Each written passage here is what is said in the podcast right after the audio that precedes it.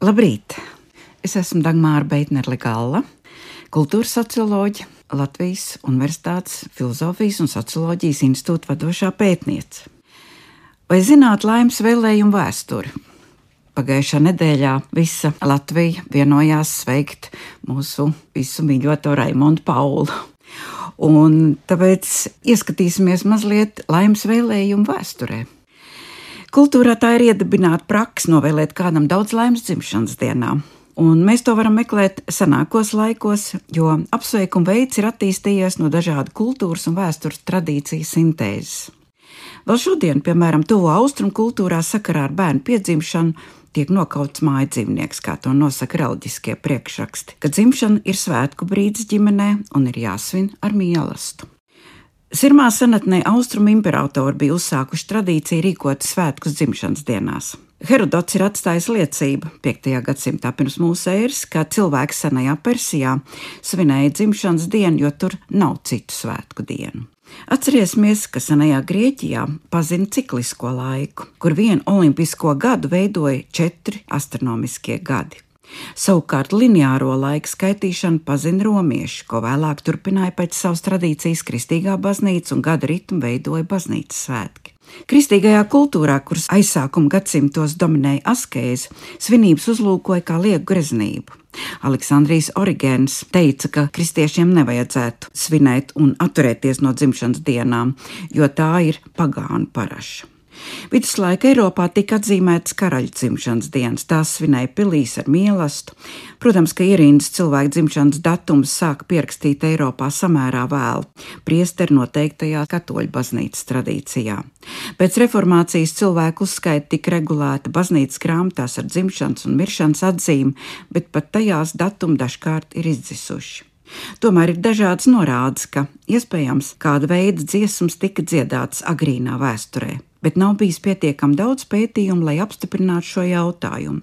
Jāpiemina, ka pat mūsdienu sabiedrībā dažas reliģiskās grupas nesvin dzimšanas dienas, izņemot varbūt reliģiskās grupas dibinātāju dzimšanas dienu.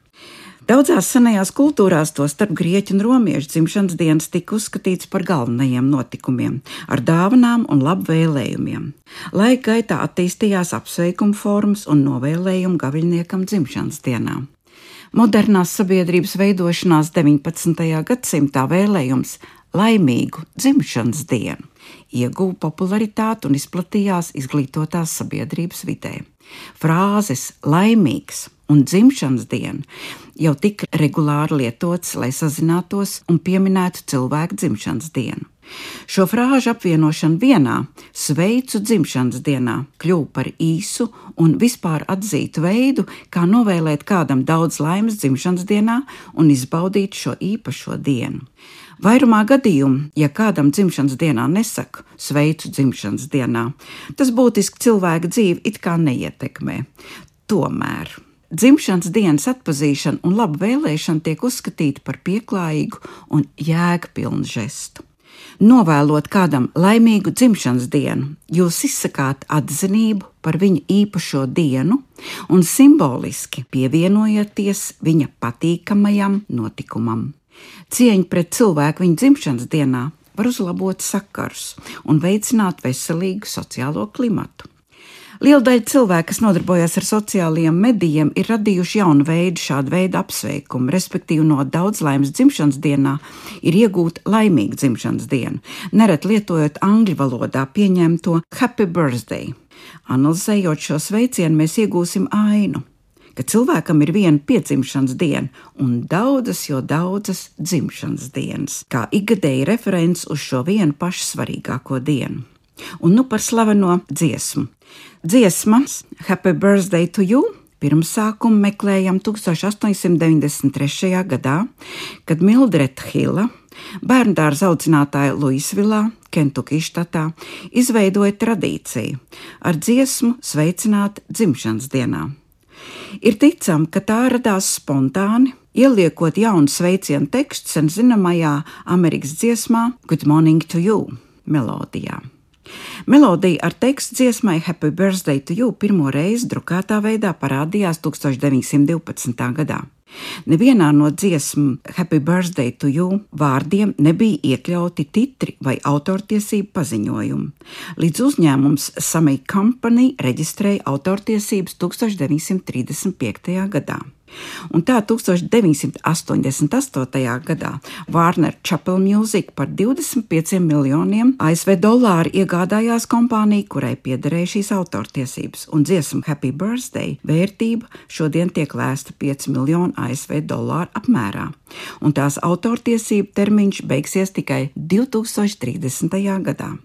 Tāpēc dziesmas neatļauta publiska atskaņošana ir nelikumīga, ja vien netiek maksāta autoratlīdzība.